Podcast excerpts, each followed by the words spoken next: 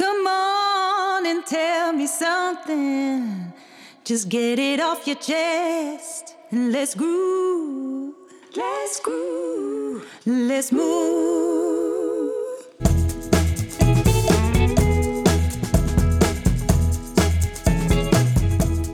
Michiel studeerde tandtechniek in België. Hij kreeg een studieplaats aan het ACTA in Amsterdam en begon na zijn afstuderen in 1997 na wat tussenstops in het dorpje Epe een tandartspraktijk. Hij bouwde deze tandartspraktijk uit tot een grote kliniek met landelijke uitstraling. De kliniek heeft meer dan 10 kamers, eigen tandtechniek en geeft zelfs ruimte aan een gezondheidscentrum. Een bijzonder verhaal van een tandarts met een bijzondere visie. Het glas is nooit vol. Na het gesprek heeft Michiel nog een speciale aanbieding voor mijn trouwe podcastluisteraars. Luister en huiver bij het verhaal van mijn goede collega en maatje Michiel Buis.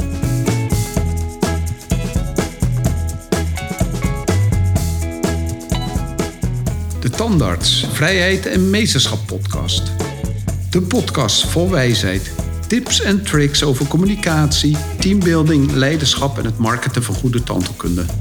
En bovenal jouw opstap tot financiële vrijheid en jouw succes. Welkom bij de Tandarts, Vrijheid en Meesterschap podcast.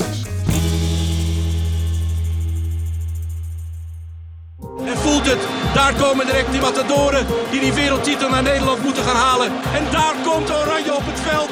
Daar is het Nederlands elftal. En dat is zo mooi om te zien. Dat geeft zo'n fantastisch gevoel.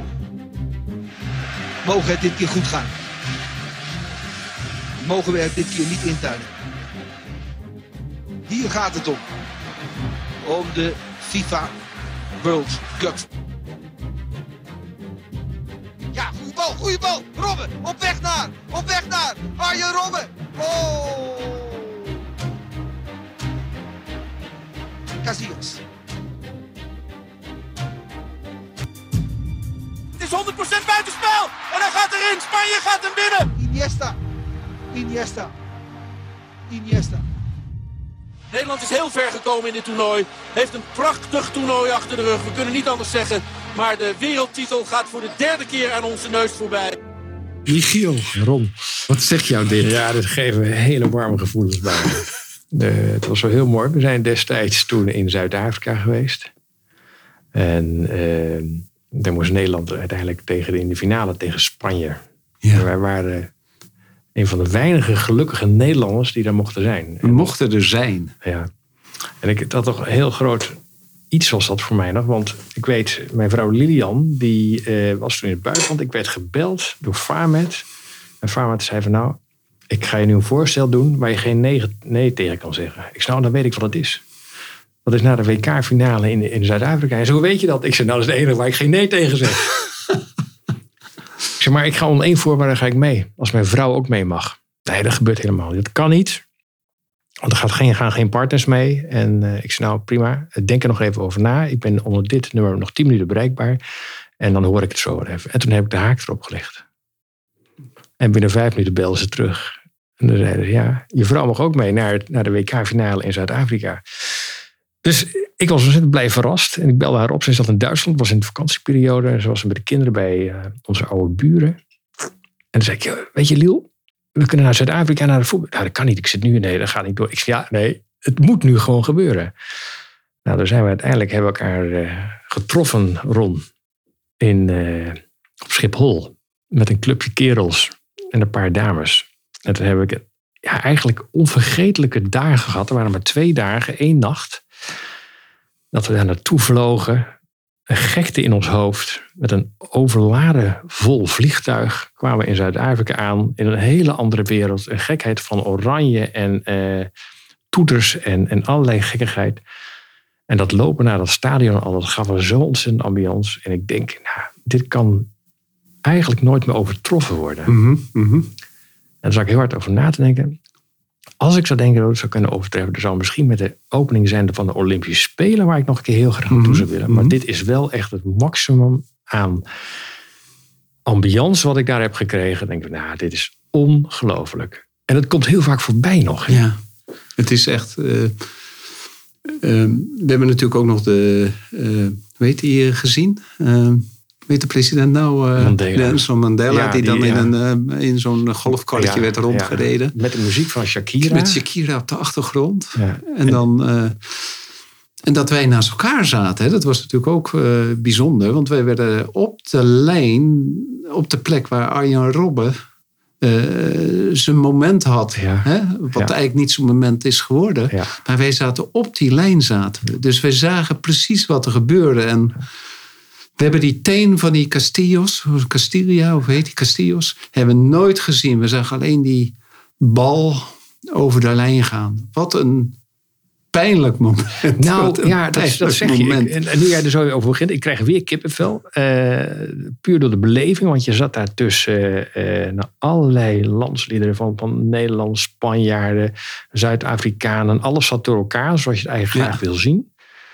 En dat we niet gewonnen hebben, ja, ik, ik trap misschien tegen Heilig Huis. Ik vond het niet eens zo heel erg. Tuurlijk, je wil winnen, maar de beleving was voor mij al het, het, euforie. Dat ik eigenlijk gevoel had dat, dat ik al gewonnen had. En dat dit gewoon eh, uiteindelijk eindigd is als tweede. Maar ja, het was fantastisch om met jou daar te zijn. Ja, Ja. Michiel, dit is de, de reden waarom ik graag met jou wil praten. Is eh, om deze reden dat ik was echt eh, niet zo in zak en as dat ik, als ik er nu aan terugdenk, dat ik normaal gesproken geweest was. Want het was een prachtig belevenis om daarbij te zijn. Maar hoe jij daar met dat verlies bent opgegaan, ik kan niet, tegen, niet zo goed tegen mijn verlies, maar hoe jij al het positieve op dat moment uit het negatieve hebt kunnen halen dat we verloren hadden. En dat we tussen de Spanjaarden naar huis moeten. En die, we feliciteren ze natuurlijk wel, maar het. En dat is wel ongelooflijk kenmerkend aan jou, dat je elke keer als er iets naars gebeurt, dat je op een of andere manier daar iets positiefs in eh, kan terugvinden. En dat is ook de reden, dat is de reden dat ik graag met je wil praten. En dat is ook de reden dat ik graag wil dat mijn dochter dit leert. Is van, er gebeurt in het leven, krijg je natuurlijk heel vaak iets dat je tegenslag hebt. En eh, er is natuurlijk altijd het, hoe je er tegenaan eh, kijkt. En ik merk elke keer bij jou hoe jij tegen dingen aankijkt, hoe laag je ook zit. Want ik vind dat je zeker eh, op het gebied, misschien gaan we daar zo nog over hebben, van hoe de, hoe de verzekeringsmaatschappij eh, op het gebied van de C21 en op de inspectie jou behandeld heeft, gewoon erg laag. Maar ik ben ongelooflijk verrast geweest toen de tijd hoe jij als een phoenix elke keer herrees. En, eh, en zo is dit eigenlijk een eh, analogie van hoe jij naar deze wedstrijd kijkt. Dat je elke keer weer toch het ongelooflijk positieve ervan inziet. Terwijl eh, onze trainer, die kreeg twee jaar geleden deze beelden te zien. En die, die moest toen, die van Marwijk, die moest zo hard huilen toen in de camera. Hij zei, ik hoef nooit te huilen, maar nu moet ik huilen. Hij had die beelden ook nooit meer teruggezien. Ja, ehm, eh, het is mooi dat je het zegt. En ik, ik, ik ervaar het eh, niet zo bewust als jij dat nu zo mooi omschrijft. Zo, je kleurt het heel leuk in. Ehm, ik weet, mijn moeder zei altijd tegen mij: "Goh, je bent een duikelaar. Op het moment dat je struikelt, je staat ook zo weer op. En de levensvreugde wordt ingepakt. En dat is met heel veel dingen die op mijn, in mijn leven voorbij komen, is dat zeker wel het geval. Men zegt wel ja, het glas half leeg, half vol. En ik heb het gevoel altijd dat mijn glas te klein is met al mijn gedachtenspinsels moet het gevuld worden en moet vol borrelen met alleen maar leuke dingen. Dus ja, wat je zegt is, is wel waar, maar niet met een heel bewust gevoel van goh, eh, ik moet er elke keer wat van maken. En ja, de ene karakter heeft dat wel, de andere karakter heeft het niet. En ik vind het wel ja, heel fijn dat ik dat eh, wel heb, maar ik wil niet zeggen dat ik niet pieker. Ook, ik heb regelmatig mijn momenten waarbij je denkt van goh, dit gaat niet lekker. En dat is meestal s'nachts, dan is de, is de controle een beetje weg. En dan eigenlijk weet je ook weer, als je 's ochtends wakker wordt, dat de dag die voor je ligt, eh, nou eigenlijk ook wel maakbaar was, eh, is. En eigenlijk ook wel geen zorgen voor de dag van morgen. Hè? Dat is eh, eigenlijk een beetje motto. En meer, meestal zeg ik ook wel tegen mensen van... geef alles tijd en alles komt goed. Maar dat heb ik wel een beetje bij moeten stellen in de loop van de jaren. Geef alles tijd en alles krijgt een plekje. En zo eh, ja, leef ik een beetje als mens, me- nou, samen met Lilian en mijn jongens. En eh, ook eh, in de praktijk probeer ik dat wel een beetje uit te stralen. En omgaan met teleurstellingen. Als je niet doelbewust mensen benadeelt, dan kan je een, een, een foutje maken. Mhm. Of een, nou, maar dan is het een vergissing. Maar als je twee keer dezelfde vergissing maakt, dan is het pas een fout. En als je dus niet bewust iemand eh, plaagt of weet ik wat, dan, dan, dan kan je ook makkelijker met een teleurstelling omgaan. En denk, oh jongens, laten we er zo naar kijken. En dan lossen we het wel weer op. I have a dream.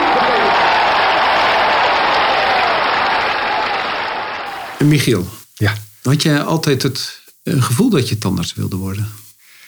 Eh, nee, ik vond het wel een heel interessant eh, vak. En op school ging het allemaal niet heel soepeltjes. En toen dacht ik, nou ja, weet je, de, de tandarts, dat is niet iets eh, wat, eh, wat ik ga ambiëren of zo.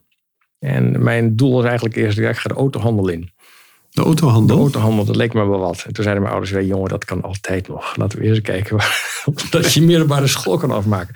Nou, zo geschieden. En toen kwam ik uiteindelijk ehm, op tandtechniek uit. Dat was een, een docent. Haar man was tandarts. En ze hadden een tandartslaboratorium in het Souterrain. En dan mocht ik een dagje meelopen. Oké, wat leuk. En dat was, vond ik zo ontzettend leuk. Van het maken van gebitjes en kronen maken en knutselen. En ja, dat, dat sprak mij heel erg aan. Je bent een knutselaar ook? Ik ben een knutselaar, ja, Ja, zeker. ja. Ik ben zalig om te knutselen. En toen ben ik naar Antwerpen gegaan en heb ik tandtechniek gedaan. Omdat dat een opleiding was waarbij je gewoon fulltijds naar school ging. Dus tandtechniek. eh, Want in Nederland moet je en werken en dan is het meer een stage. Hè? Eén Ja. dag eh, naar school en vier dagen werken, toch? Ja, klopt. Ja. En dan begin je een beetje als ketelbinkie onderin met gips. En dan eh, één dag Ja. naar school. En dan is maar de vraag of je überhaupt uit de schipskamer komt. Hè, en dan langzaam richting productiek gaat. En dan zo, zo leer je het uiteindelijk wel. Maar als je goed in de productiek bent, ja, dan kom je ook niet snel op Kronenbrugwerk terecht. Dus toen dacht ik van nou, als ik nou de opleiding in Antwerpen ga doen. Eh, dan komen alle facetten voorbij, alleen niet zo uitgebreid. Dan leer je het vanzelf wel in het, in het vak. Ehm, toen ik dat afgerond had, toen moest ik in militaire dienst. Dan was ik tandartsassistent. Want toen moest iedereen nog in dienst. Wat ik overigens steeds erg interessant vind. Dat eigenlijk zou nog steeds een soort dienstplicht moeten zijn. Alleen dan niet zozeer als, als militairtje spelen, maar meer in het sociale. Hè. Ga je als je 18 jaar ga maar eens een keer eh, rolstoel duwen of ga eh bejaarden voeren. dat doe iets zinnigs waar je bewust bent van hoe de maatschappij een beetje in elkaar Mhm. zit. Want daar zag je op een gegeven moment wel hoe gekleurd de maatschappij eigenlijk eh, is aan, aan, eh, aan variatie in mensen en gedragen. En want je bent natuurlijk wel heel beschermd hoe je altijd opgevoed Mhm, bent of mhm. opgegroeid bent. Nou goed, uiteindelijk ben ik daar tandartsassistent geworden. En van daaruit eh, dacht ik, ja weet je, ik zou ook best wel graag tandheelkunde doen. Want ik vond het zo Mhm. leuk wat er gebeurde in de tandheelkunde. En heb je toen wel als tandtechnieker gewerkt? Of was het meteen daarna? Een halfjaartje heb ik als tandtechnieker gewerkt. Dat was overlap van het, eh, het eh, behalen van je diploma. Uiteindelijk een half jaar later moest ik in militaire dienst. Dus in die periode heb ik gewerkt in het tandtechnisch in België of in Nederland? Dat heb ik in Nederland gedaan. Ja? Ja, ja, mijn groot laboratorium hier in Nederland. En ook dat vond ik wel leuk. Maar ik dacht, ja, jeetje, als ik nu al ga werken en dat de rest van mijn leven nog doen, hoe Mhm. leuk zou het zijn om nog wat andere dingen te doen. Toen was je 22, 23? Ehm, ik was 23 toen ik begon met tandheelkunde. Ik was 22 toen ik in militaire dienst Mhm. moest, klopt. Ja. Nou, eh, toen ben ik met tandheelkunde begonnen, wat een ontzettend leuk, eh, leuke ervaring is. Ook omdat het eigenlijk wel, met de hele dag ben je op zo'n faculteit bezig. Maar je hebt tandtechniek gedaan en eh, die weg ken ik nog niet. Kan je van tandtechniek...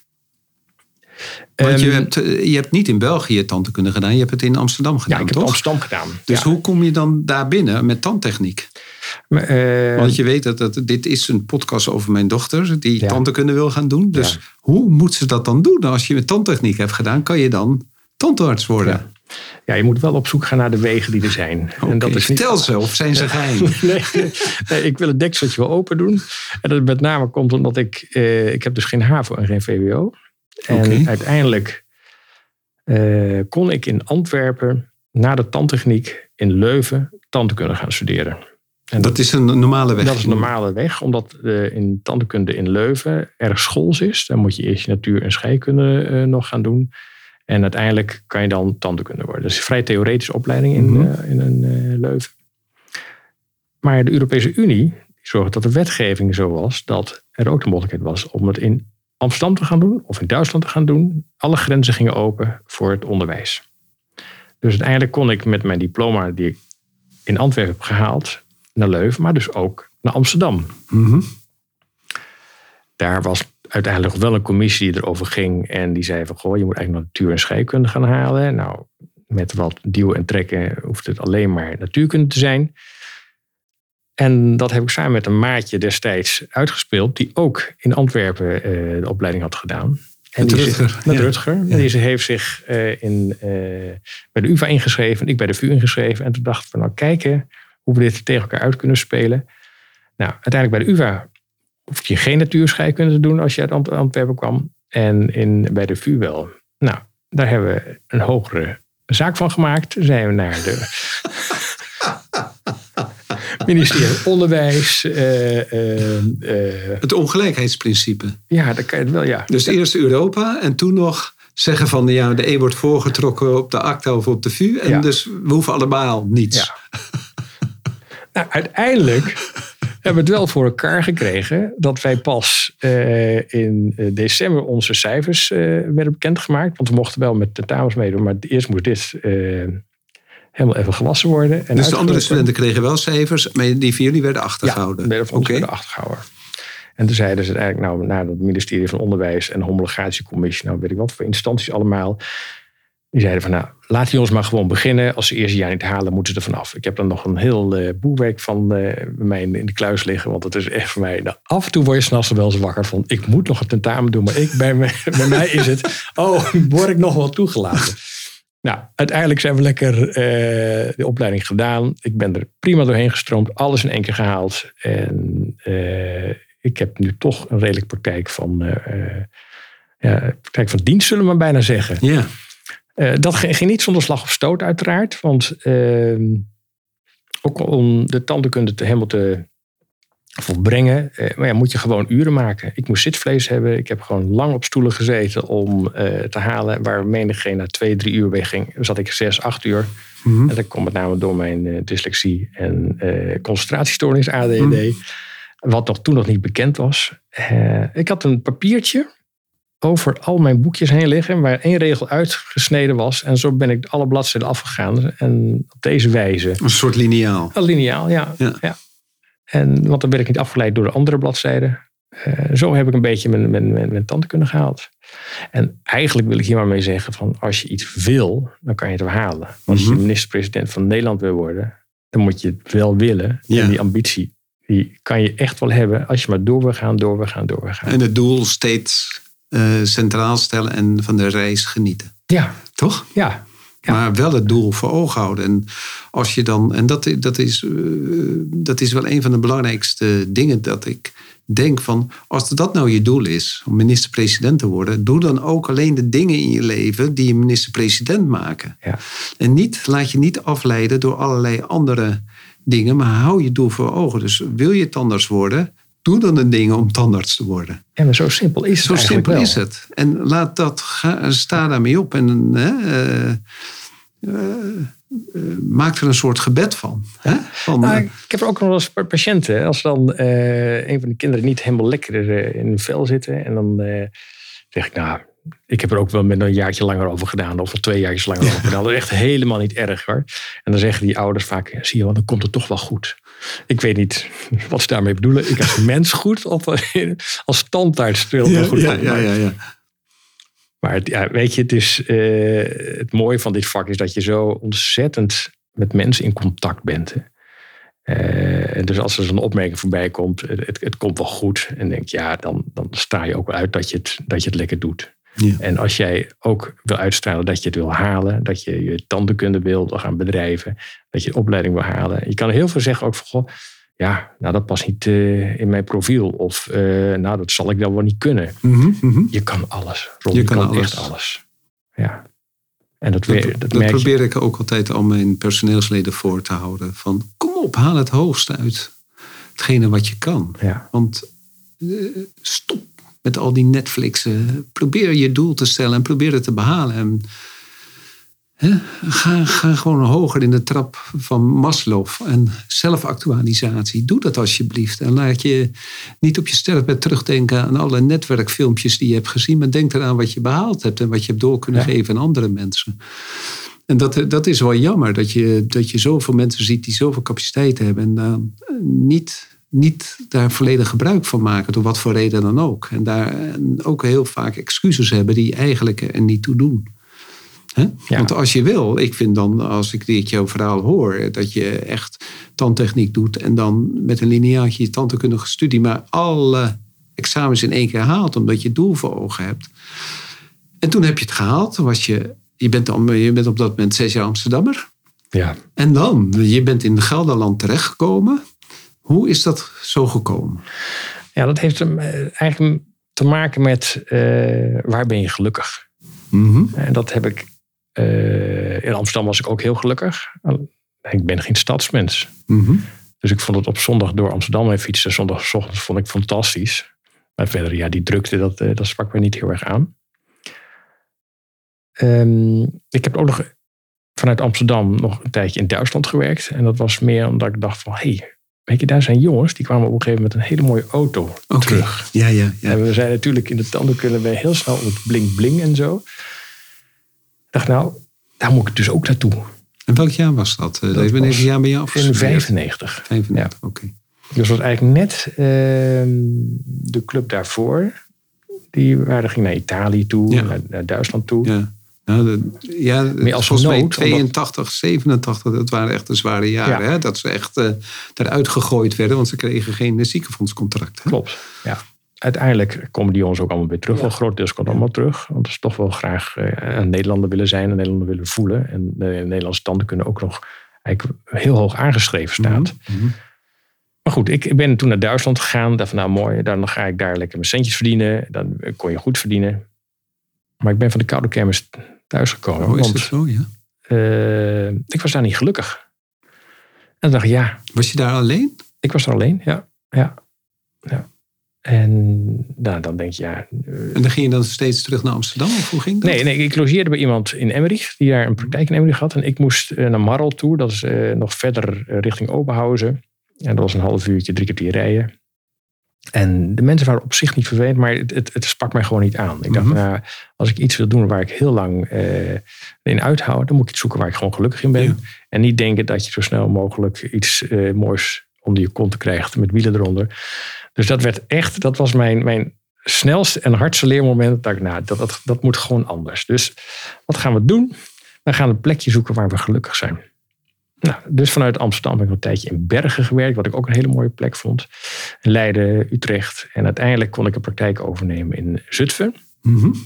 Prachtig, prachtig uitkijkend over de IJssel. Ik ben nog was in december en ik ben met Lilian liepen daar rond door Zutphen heen. Eh, alles was prachtig aangekleed met, met, met als kerstversiering. Dus ja, eigenlijk zou je denken die ambiance is ook wel heel geweldig. Ik heb een dagje waargenomen, dat had ik met hem afgesproken eh, van wie ik de praktijk eh, zou overnemen. En ik zei van, nou, dan gaan kijken hoe het is. En eh, als dat bevalt, dan is de deal gewoon gedaan. Mhm.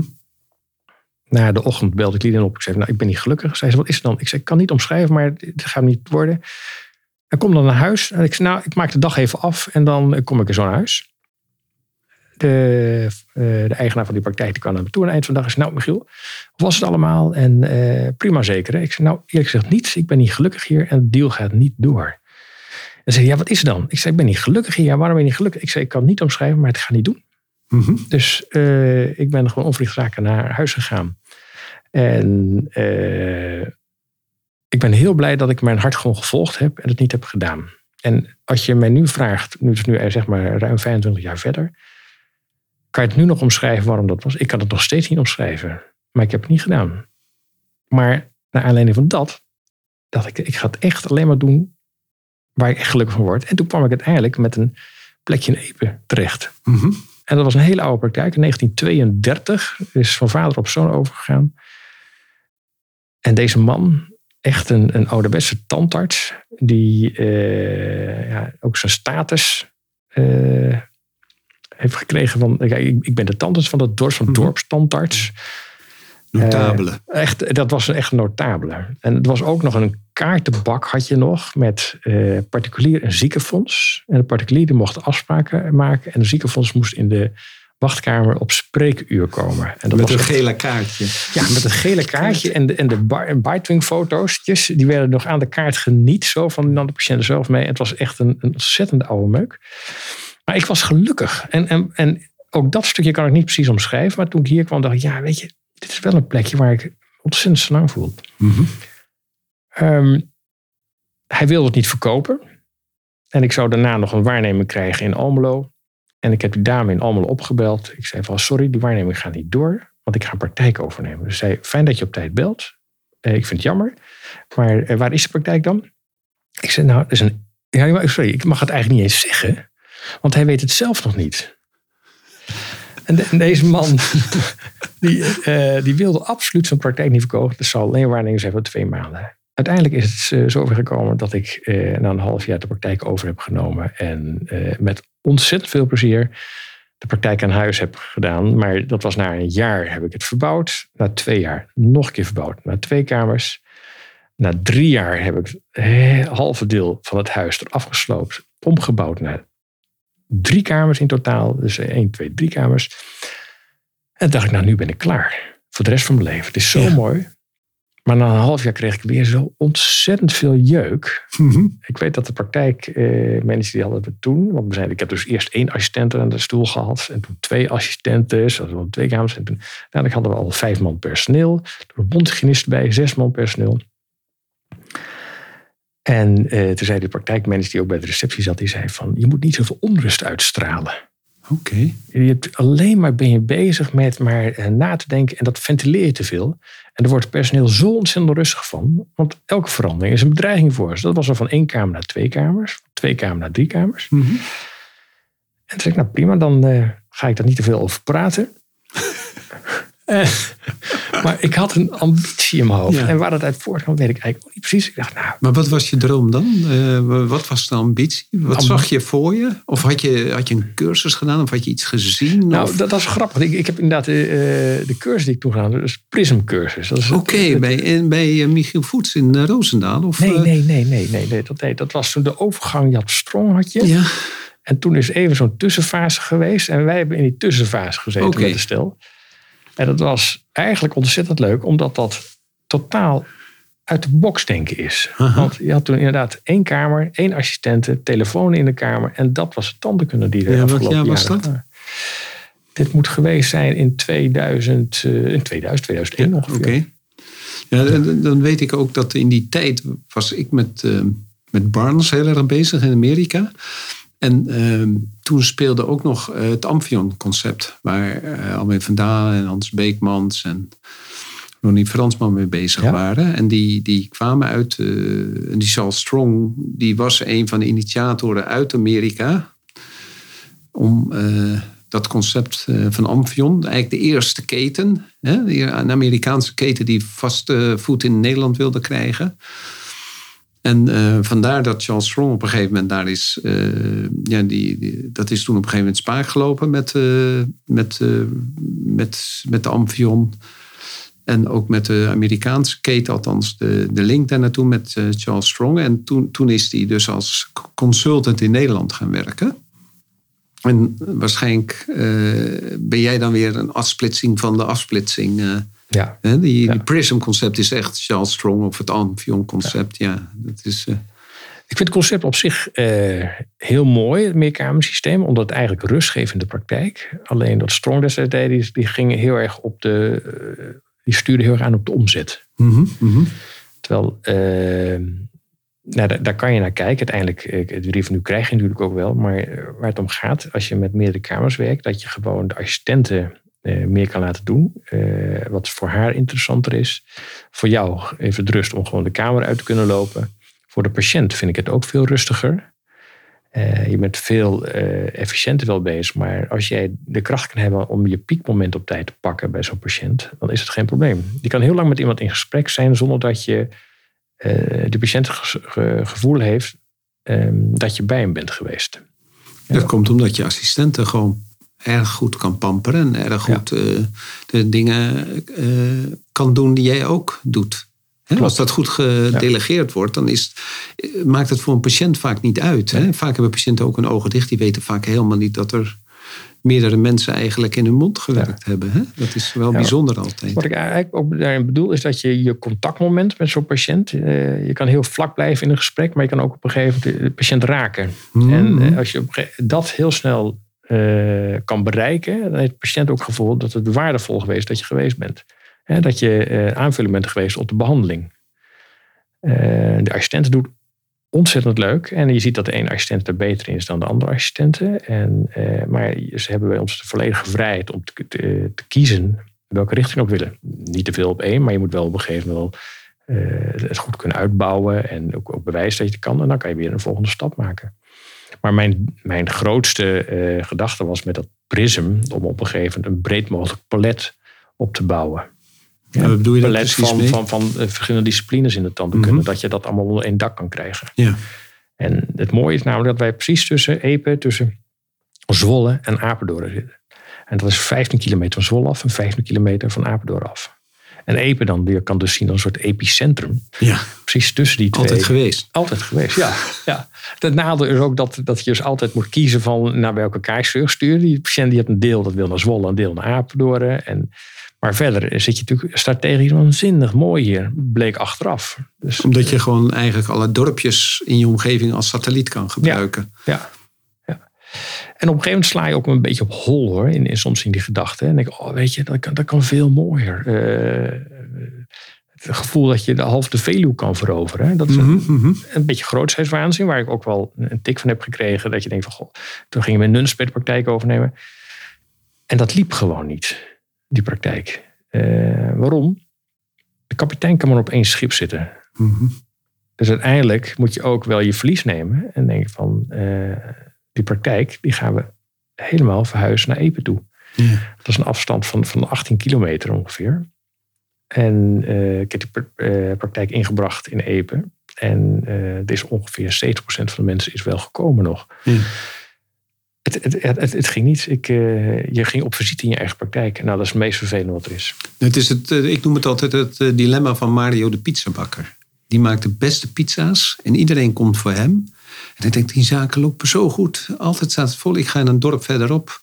Ga ik ook een pizzatent beginnen. Ja. Alleen, er is maar één pizzabakker die het zo goed kan. Het recept is er wel, maar die pizzabakker... en jij noemt het de, de, de highlight momenten met een patiënt... die kan jij alleen maar doen met die patiënt... omdat jij eh, die capaciteit hebt om die patiënt te raken in een korte tijd. Dus als je op dat moment iemand anders hebt die in korte tijd iemand moet raken, lukt dat misschien niet. En dan denken mensen, ja, maar die andere pizzabakker is veel beter. En dan probeert Mario door heel snel heen en weer te rijden om het nog, hè, om het twee goede tenten van te maken. Maar dat kost Mario heel veel energie. En dat is hetgene, denk Ja. ik, wat jij ook op doelt. Hè? Ja.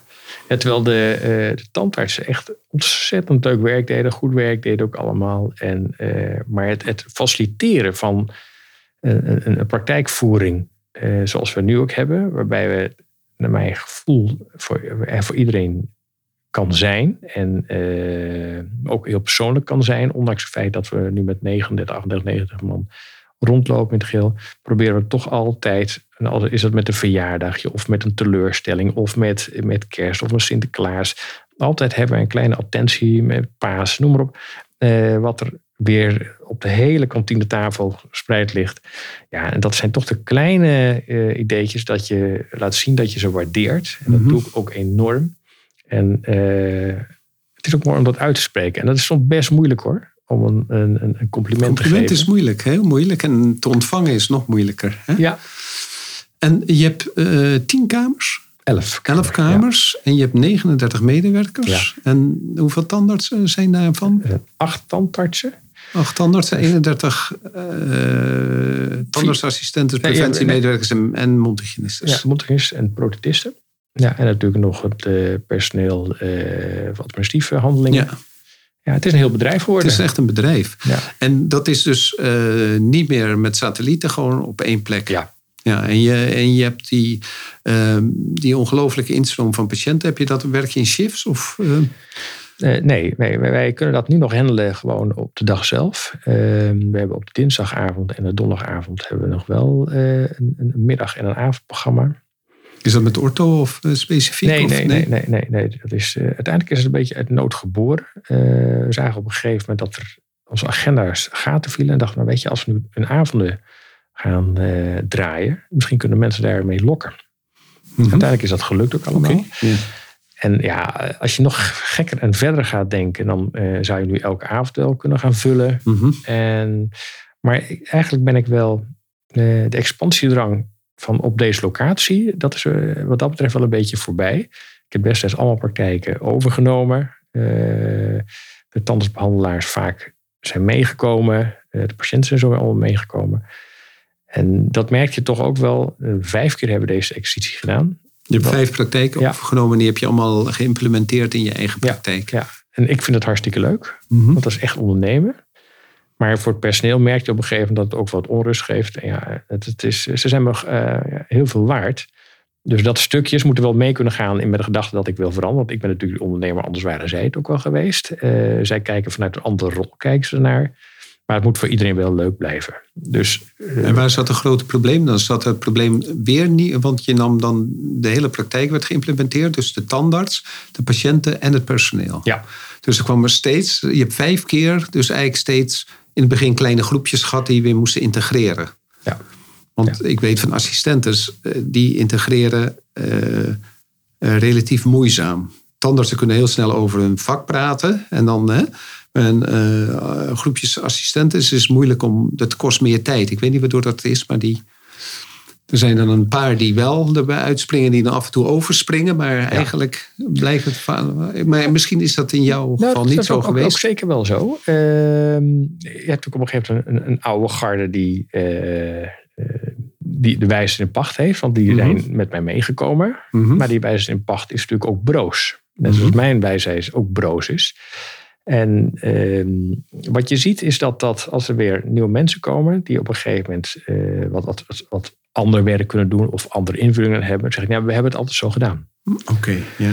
En altijd zo gedaan wil niet zeggen dat dat correct is of, je, of dat de eh, meest geweldige route is. Terwijl als je gaat kijken wat de ander kan inbrengen, zie je soms ook wel dat de nieuwe garde de oude garde voorbij gaat. Dat heb ik in mijn, bij mij merk ik dat ook. Ik bedoel, eh, ik denk dat ik heel erg goed in dingen ben, maar ik zie om me heen ook echt wel mensen die mij gewoon inhalen. En dat was tot een paar jaar geleden nog wel een bedreiging. En nu zie ik dat eigenlijk ook wel een hele mooie kans weer om het praktijk toch mooi door te laten draaien.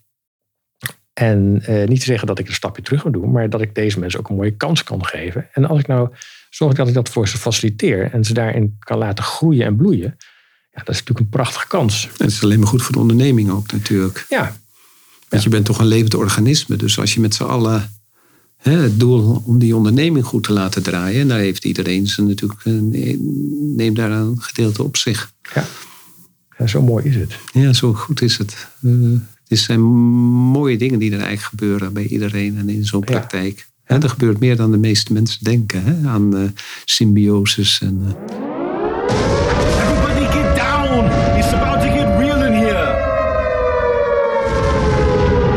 Michiel, wat is ehm, het grootste probleem wat je ooit gehad hebt in de praktijk of op dit moment en dat je hebt opgelost? Nou, dat zijn er een, een, een nou, eigenlijk toch wel een paar. Ik, bedoel, ik, eh, ik hoef ze niet allemaal de revue te laten passeren, maar er, ehm, ik heb een eh, bezoek van de in- inspectie gehad dat mij eh, heel veel verdriet heeft gedaan. Ik heb afscheid van mensen moeten nemen waar ik heel veel vertrouwen in heb gehad. Dat heeft mij verdriet gedaan. Eh, een verzekeringskwestie, dat heeft mij heel veel verdriet gedaan. En eh, om dat op te lossen, heb ik gelukkig mensen om me heen eh, die ook eh, lekker met me mee konden denken. Ook kritisch tegen me konden zijn, maar ook mij de ruimte gaven om eh, het, het, eh, het, het verdriet eh, te dragen zoals het eh, zou moeten dragen. Ehm, als we het voorbeeld nemen van, van, van de inspectie. Dat is een eh, actie geweest van een behandelaar bij mij die iets had gedaan wat hij niet had mogen declareren. Dan zeg ik het heel netjes. Ik was destijds op, vakantie toen hij de- deze eh, declaratie had gedaan. En daar kwam de inspectie bij mij. Het ging om een bedrag van 428 euro. En eh, de inspectie heeft de hele praktijk doorzocht. Op of ik ergens fouten had gemaakt. Of, of hoe, Meer aantoonbare, aantoonbare fraude op meerdere punten was. Want het was geloof ik een. eh, Als het was speelde in 2013, kan me herinneren. 2012, ongeveer, ja. ja. En het ging over een, eh, de, dat er een, eh, een, een tandsteenbehandeling was gedeclareerd als een, operatie en niet als een tandsteenbehandeling. Ja. Toch? Een uh, gingivectomie als Ja. zoiets. Ja. Deep scale of... Het was eigenlijk de sop de kool niet waard. Maar Nou, helaas, eh, Eh, kijk, ik, ik vind altijd, je, mag declareren wat je doet, maar nooit meer. nee, dat is de afspraak. Dat voel je gewoon Ja. eh, veilig in ook allemaal. Maar eh, als, als dat toch gebeurt en eh, eh, ja, jij hebt er geen weet van. Dus eigenlijk had ik een beetje de controle op de praktijk onvoldoende. Want je, normaal controleer je altijd wat de declaraties zijn, maar je kan het niet altijd zuiver controleren. Mhm. En dezegene was eh, het ook gewoon zelfstandige. En ik kon een inspecteur binnen en ik dacht van, nou ja, weet je, kom kijken bij ons. Eh, ik ben trots op de praktijk. Dus Welkom. u welkom. Kom bij mij eh, controleren. En kom maar eventjes ja, inspecteren hoe het allemaal is. Nou, toen zei hij inderdaad, mijn taak is controlerende. En dus hij wilde absoluut niet ehm, de praktijk... eh, ja, eigenlijk zou een soort controleorgaan moeten zijn. Goh, daar, daar schort wat of daar schort wat. Maar hij zo wil, kan het beter. Ja. Hè, hoe wordt Nederland beter? Ja. Nee, en dat, dat, nou, uiteindelijk is er een, een, met huilende assistenten, als, als een wilde, door, is door de praktijk heen gegaan. Heeft iedereen ondervraagd of wat eh, Ja. Ja, ja.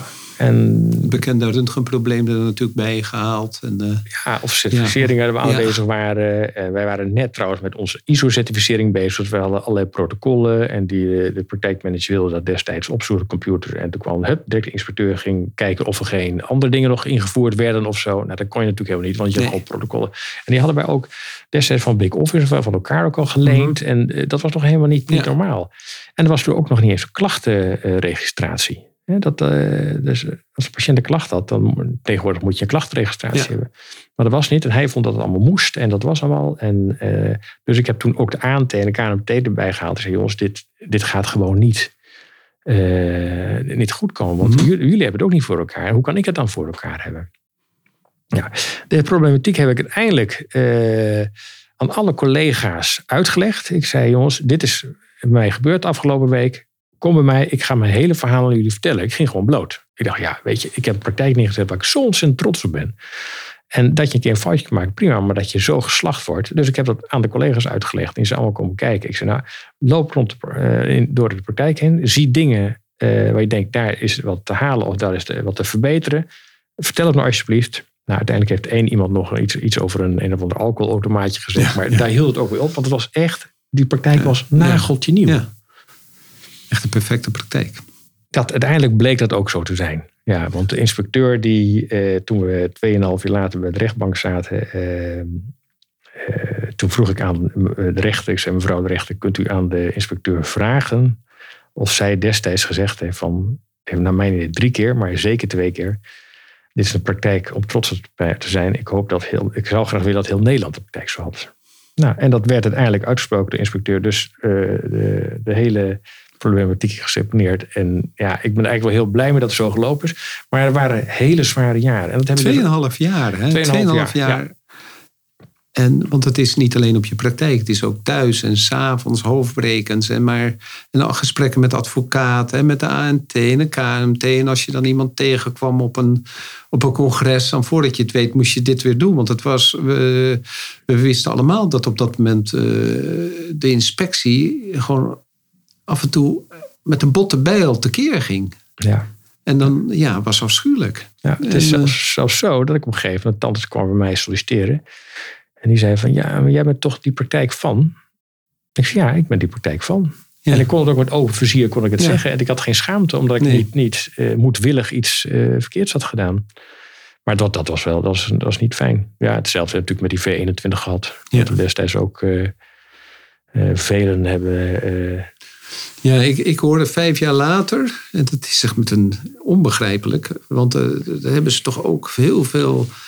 Nou, jij, jij liep er dan, eh, jij had het een paar maanden eerder dan ik, maar hè, we- dat je dan op een gegeven moment. Ja, dan kreeg, weet je, allemaal- kreeg je allemaal schrijvers dat je dan moest bewijzen, weet ik allemaal niet. Maar ze ging dus van kwade trial uit. ja. Terwijl, het, eh, terwijl ik denk, dat de meeste standers gewoon te goede trouw zijn met de meeste, met de meeste zaken. En zeker met de, met de, in die grote praktijken wil je het gewoon precies doen, want je kan niet aanklooien. Nee. En er is geen, eh, geen tweede boekhouding of wat dan ook, want je bent een grote praktijk. Dus je, je wil op geen enkele manier eh, wil je jezelf eh, conformeren aan slecht gedrag, want dat wordt altijd tegen je gebruikt. En, dat, eh, en je wordt altijd eh, ook op je handen gezeten van hé, hey, eh, klopt dit wel of klopt dit niet? Ja, dat is gewoon, mensen leven allemaal met elkaar mee. En Ja. door, ja, we proberen allemaal het beste uit elkaar te halen. Maar jij was een van de eerste bij wie ze binnen aanklopte, hè? Ja. ja. En ik weet nog wel dat destijds toen, de, nou, we hebben dus samen bij Big Office Ja. gezeten. En toen eh, vroeg ik even wat spreektijd, net voor een, een theepauze. Ik begon mijn verhaal zo te vertellen. En ja, ja, joh, ja, het kan gebeuren, pech allemaal. Maar uiteindelijk is het, eh, bij, bij meerdere van ons zijn ze binnengevallen Ja. en gekeken van wat, waar, ja, wat we eventueel of niet goed hebben gedaan. Maar achteraf bleek het gewoon ja, het, het, het eh, bekende KMT-boekje, of de, Ja. het tarievenboekje. Dat klopte. Onduidelijk. Ja, heel onduidelijk was. En ook hierin hebben we laten zien dat we gewoon, als je netjes declareert, dat er ook niks aan de hand is. Dus dat is ook weer keurig opgelost.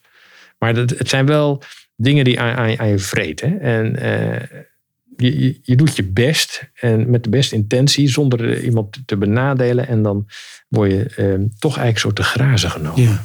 Want het is, kijk, je kan iedereen natuurlijk te grazen nemen, want het UPT-boekje is gewoon verouderd.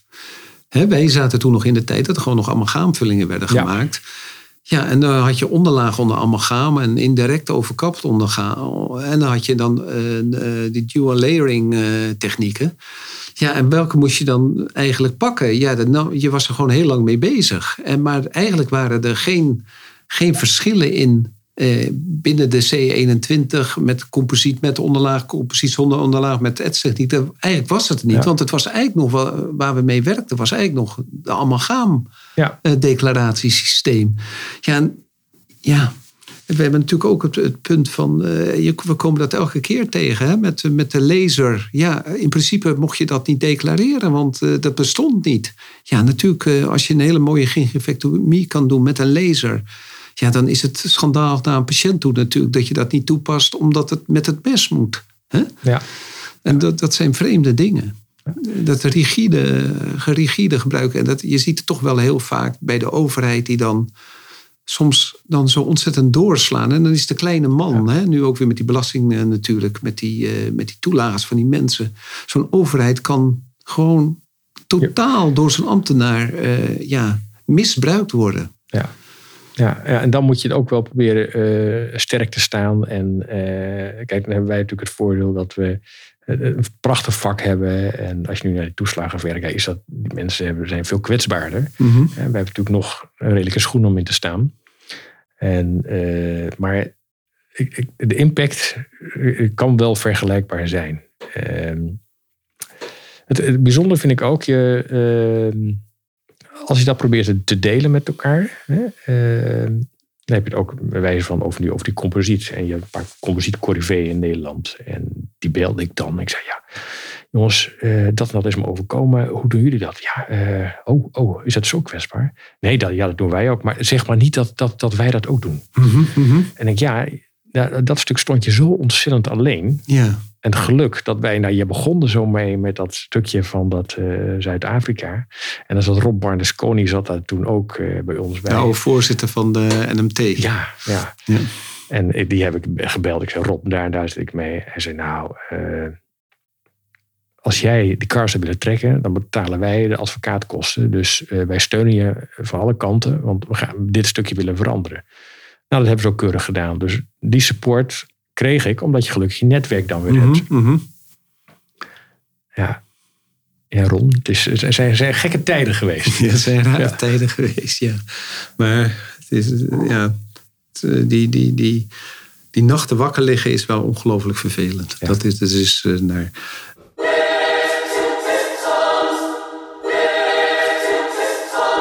De beste praktijkverandering die je ooit hebt toegepast. Eh, mijn beste praktijkverandering, ja, dat is toch eigenlijk wel eh, nou ja, de telefoon uit de kamer. Hè. Dat, dat vind ik de beste praktijkverandering. Dat klinkt heel gek. Ja, vertel eens. De telefoon, bedoel je de mobieltjes? Nee, nee, nee. Gewoon de ouderwetse telefoon. Dat je nog eh, dat één kamersteen hebt. Dat je je receptie hebt met je assistenten en een telefoon. En de telefoon uit de kamer, dat je alle aandacht aan de patiënt kon besteden, vind ik het mooiste. Want op het moment dat je met die patiënt bezig bent en de telefoon gaat en jouw assistenten moest nog naar de telefoon toe lopen en de waar, telefoon ja. aannemen.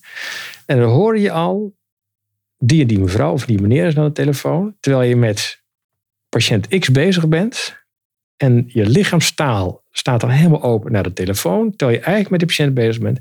Ja, dat kan je een patiënt gewoon niet aandoen. Nee. Dus is eigenlijk respectloos is het. Dus toen die telefoon uit de kamer ging, nou, dat heeft mij zoveel rust gegeven dat je gewoon met die patiënt bezig kan zijn en alleen focust op het, de problematiek waar, waar diegene mee komt. Ja. Dus dat is eigenlijk het mooiste. En toen kwam Prism inderdaad, vond ik heel erg plezierig. Ehm, ik vond het decla- declaratie eh, uitbesteden, vind ik ook ontzettend De plezierig. geworden. factoring. Ja. De, de Famet en Ja. later de Informatics. En mijn, mijn eh, andere cadeautjes is dat ik nu een ontzettend lekker managementteam om me heen heb. Mhm. Waarbij ik gewoon heel erg lekker met mijn tanden kan bezig zijn. Met het ondernemen bezig kan zijn.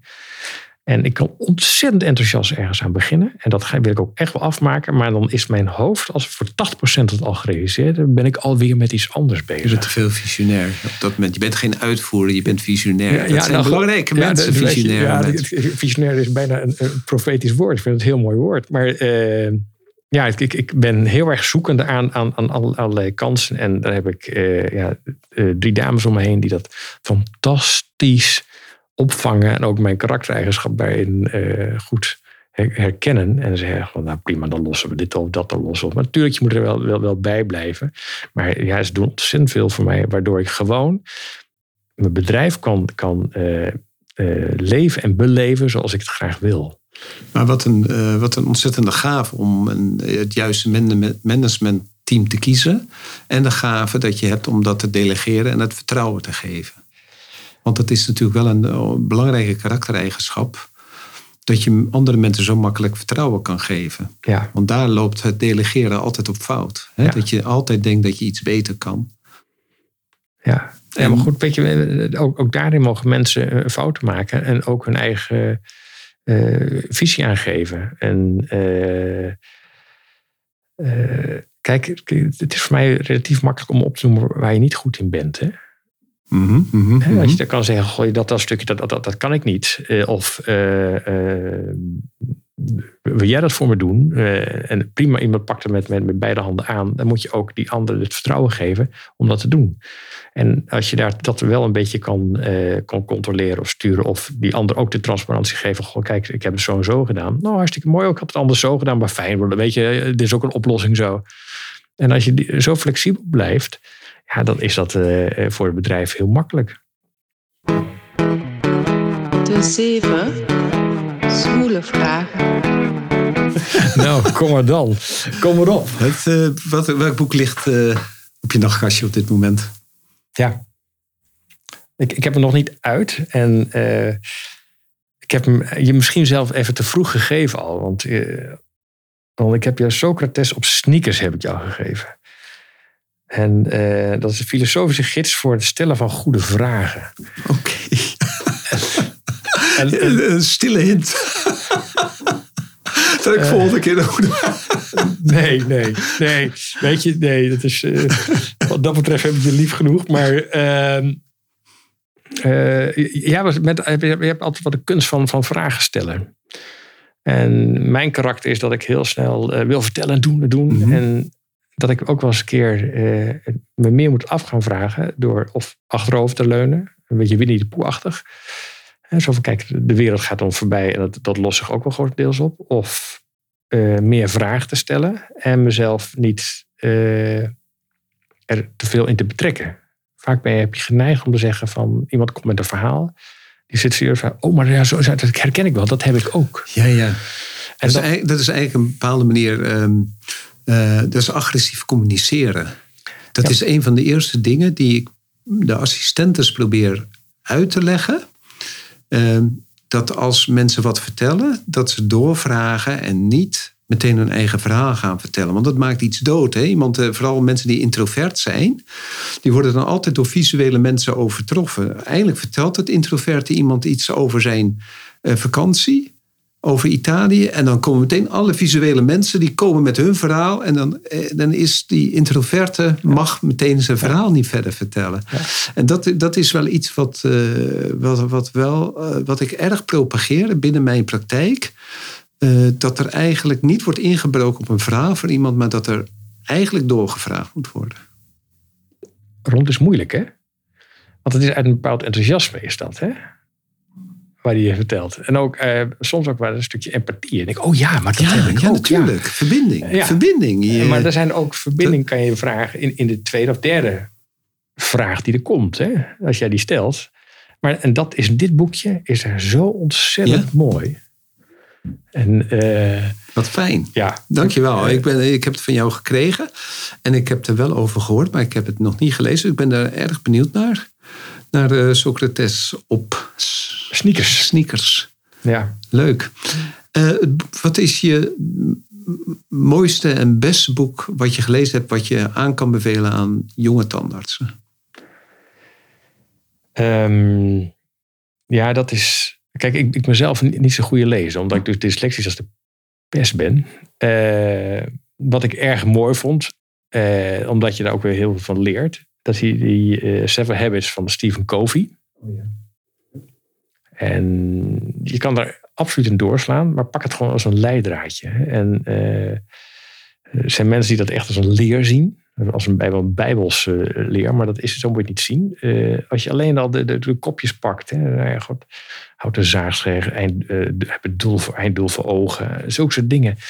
Eh, en als je dat af en toe even in zo'n dipje zit. Oh, wacht even, heb ik einddoel voor ogen hebben. Gewoon doorgaan. En oh ja, wacht even, ik moet dat even verzorgen. eh, om, om draaiende te houden. Dan ben je gewoon daar, eh, daar bewuster mee bezig. Ik vind, vond ik echt een heel, heel mooi boekje. Ja. En het mooiste boek eigenlijk wat ik onlangs gelezen heb. Nogmaals, ik ben geen lezeling. Dat ik een hele belezen man ben. Er verder van dat. Van Rutger Bregman. Van De meeste mensen deugen. Dat heeft mij ook wel heel veel... eh eh, nou, de schellen van de ogen doen vallen bijna. En wat, wat, specifiek? Nou, de meeste mensen deugen. Terwijl ik altijd dacht van... eh, we zijn allemaal boefjes. Mhm, mhm. Hè? Alleen we worden opgevoed net in welke cultuur je, je terechtkomt. Hè? En dat is dat, vanaf de kleuterschool af aan heb je het gevoel van, eh dan wil je ook alles hebben. Wil je je schepje hebben, wil je dat hebben, wil je het, het, het graaigedrag. Terwijl als je van huis uit op een gegeven moment liefde meekreeg en aandacht eh, voor anderen eh, kan hebben. En daar nu ook bewuster van mee bezig bent dat je ook eh, dat het delen zo ontzettend mooi is. Dan denk je, goed, dat heb je dan als opvoeding meegekregen. Maar Mhm. Rutger Bregman die kijkt van een hele andere filosofie. Dat mensen eigenlijk helemaal niet kwaadaardig zijn. Of, Nee. of dat idee hebben van we moeten alles maar hebben, hebben, hebben. Dat is natuurlijk wel het beeld wat we een beetje ook in de media onder. Het is allemaal veel macht wat er is. Nou, ik heb zo'n Trump die in mijn ogen toch een heel aparte manier van, van, eh, van leven heeft. Ook in, in die, die videoclips zie je ook allemaal snelle auto's, mooie lijven. We moeten allemaal eh, wel heel eh, compleet zijn. En eigenlijk maken we onszelf ook gek met die telefoon. Dat we allemaal opnames maken, beelden, en die versturen we over de hele wereld, wanneer we alleen maar gelukkig zijn. Ja, Ik zie zelden eh, plaatjes, een, fake selfie. news eigenlijk, Ja. toch?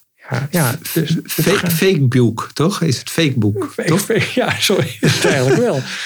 Maar het is het, iedereen is gelukkig als je al alle foto's bekijkt. Ja. Maar dat is natuurlijk klinkklare onzin. Wij weten beter, hè, Ja, Michiel? ongeluk hoort er ook een beetje bij. Maar het geluk, eh, ja, dat ligt altijd op zijn loer om het eh, leven plezierig te maken. De beste cursus. Ja, dat is ehm, de orthocursus die ik gedaan heb. Nee, Leon. Leon. Ik heb hem net gehaald, hè? Ja, ja, man, had- man, ja. man, wat heb ik hard moeten werken. Ja, dat is, dat is echt een, een serieuze cursus. eh, waar je inderdaad hard. En, en, en het is ook gewoon twee jaar lekker buffelen. Mhm. Eh, veel doen, veel nieuwe dingen. Eh, Leon is een duizendpoot. Ehm, hij is.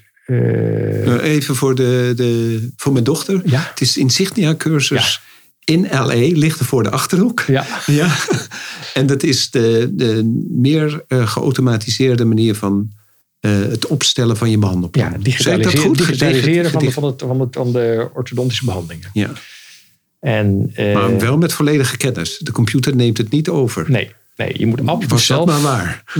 Dan zou het makkelijker zijn. Dan, in eerste instantie ga je er ook van uit. Ja. Hè? Dat je denkt, zeker als je nog niet ervaring hebt, dus ervaring in die zin teleurstellingen hebt gekregen, dan denk je, oh, het is fantastisch man, het is, alles is mogelijk. Maar het blijft ook toch altijd wel gewoon mensenwerk en eh, met je handen bezig zijn.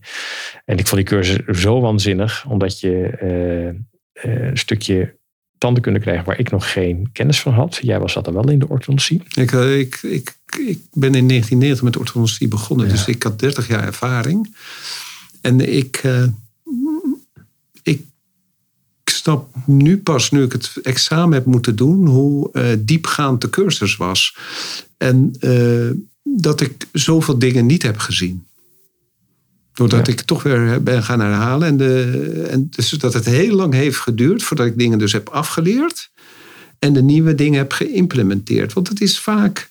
Je bent als tandarts of als mens ben je toch wel vaak. hou je vast aan waar je zelf in gelooft. En dat verandering moeilijk is.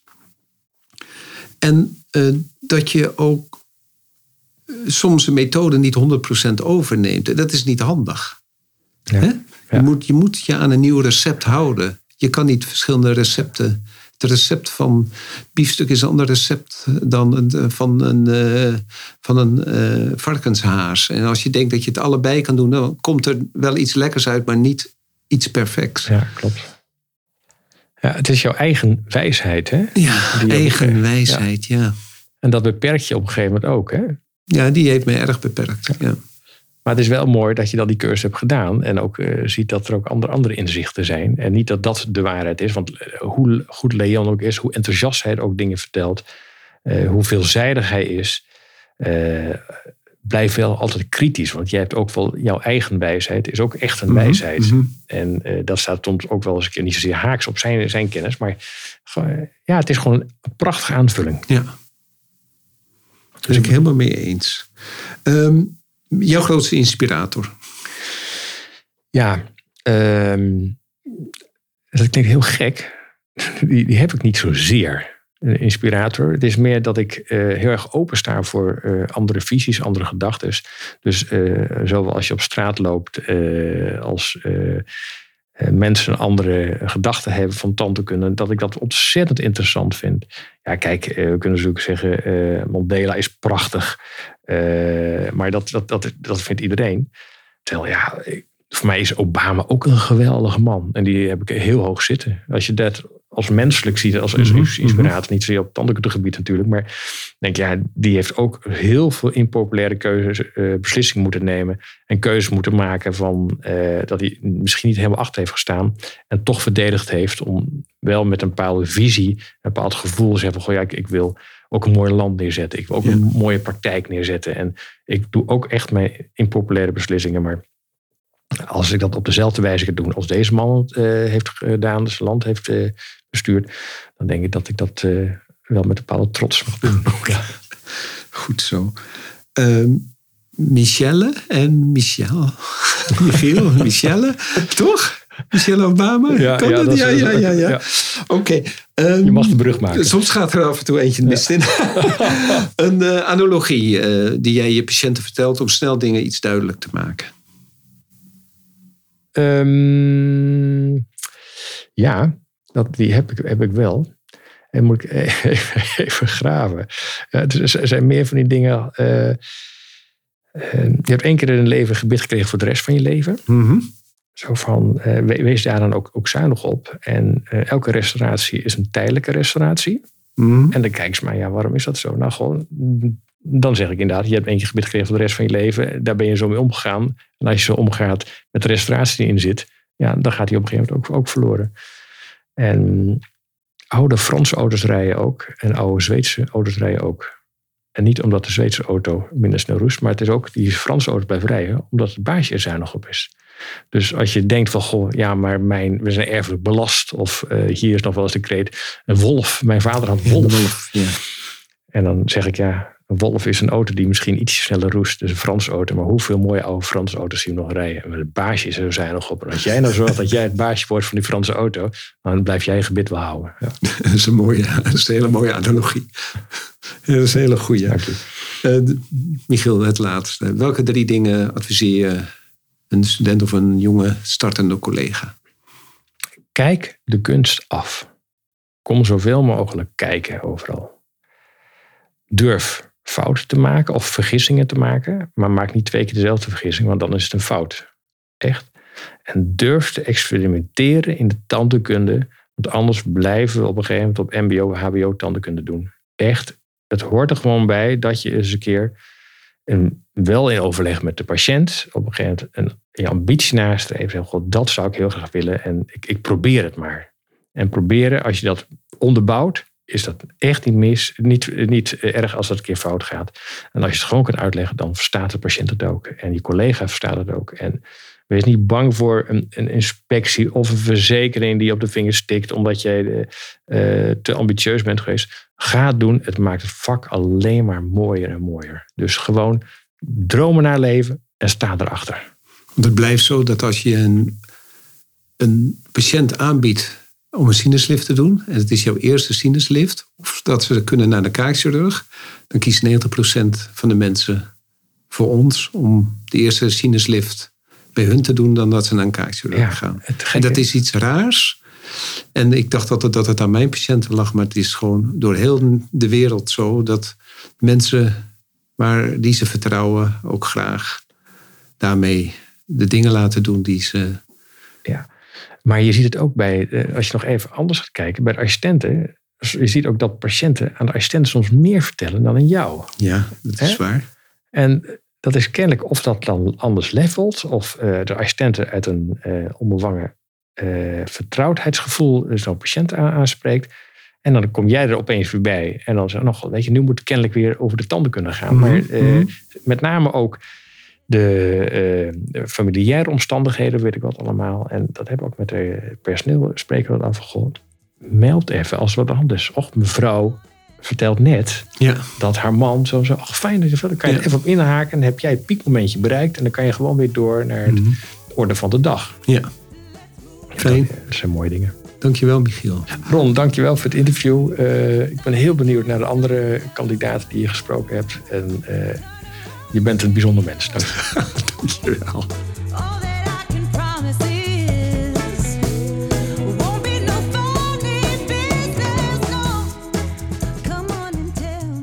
Dankjewel voor het luisteren naar dit interview met Michiel Buis. Het was een eerlijk en heerlijk gesprek.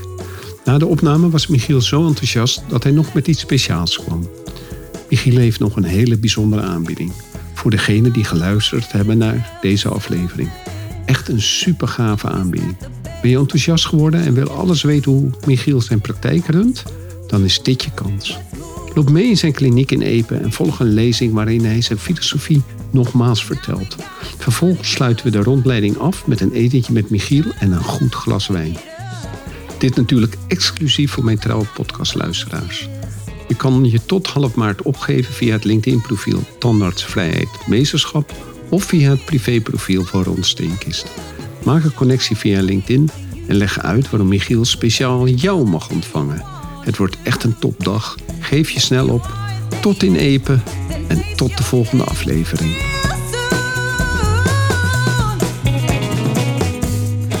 Super dat je weer luistert naar een aflevering van de Tandartsvrijheid en Meesterschap podcast. Ik zou het zeer op prijs stellen als je een review achter zou laten. Je kunt je ook abonneren op deze podcast. Klik dan in de podcast-app op de button subscribe en je ontvangt automatisch een berichtje bij een nieuwe aflevering. Ken je iemand die deze podcast ook leuk zou vinden? Deel deze dan. Via Spotify kan je dat heel simpel door op de drie puntjes te klikken en te delen. Je kan mij ook bereiken via mijn LinkedIn-account. Ik ben te vinden onder mijn naam Ron Steenkis. Nogmaals, dankjewel en tot de volgende keer.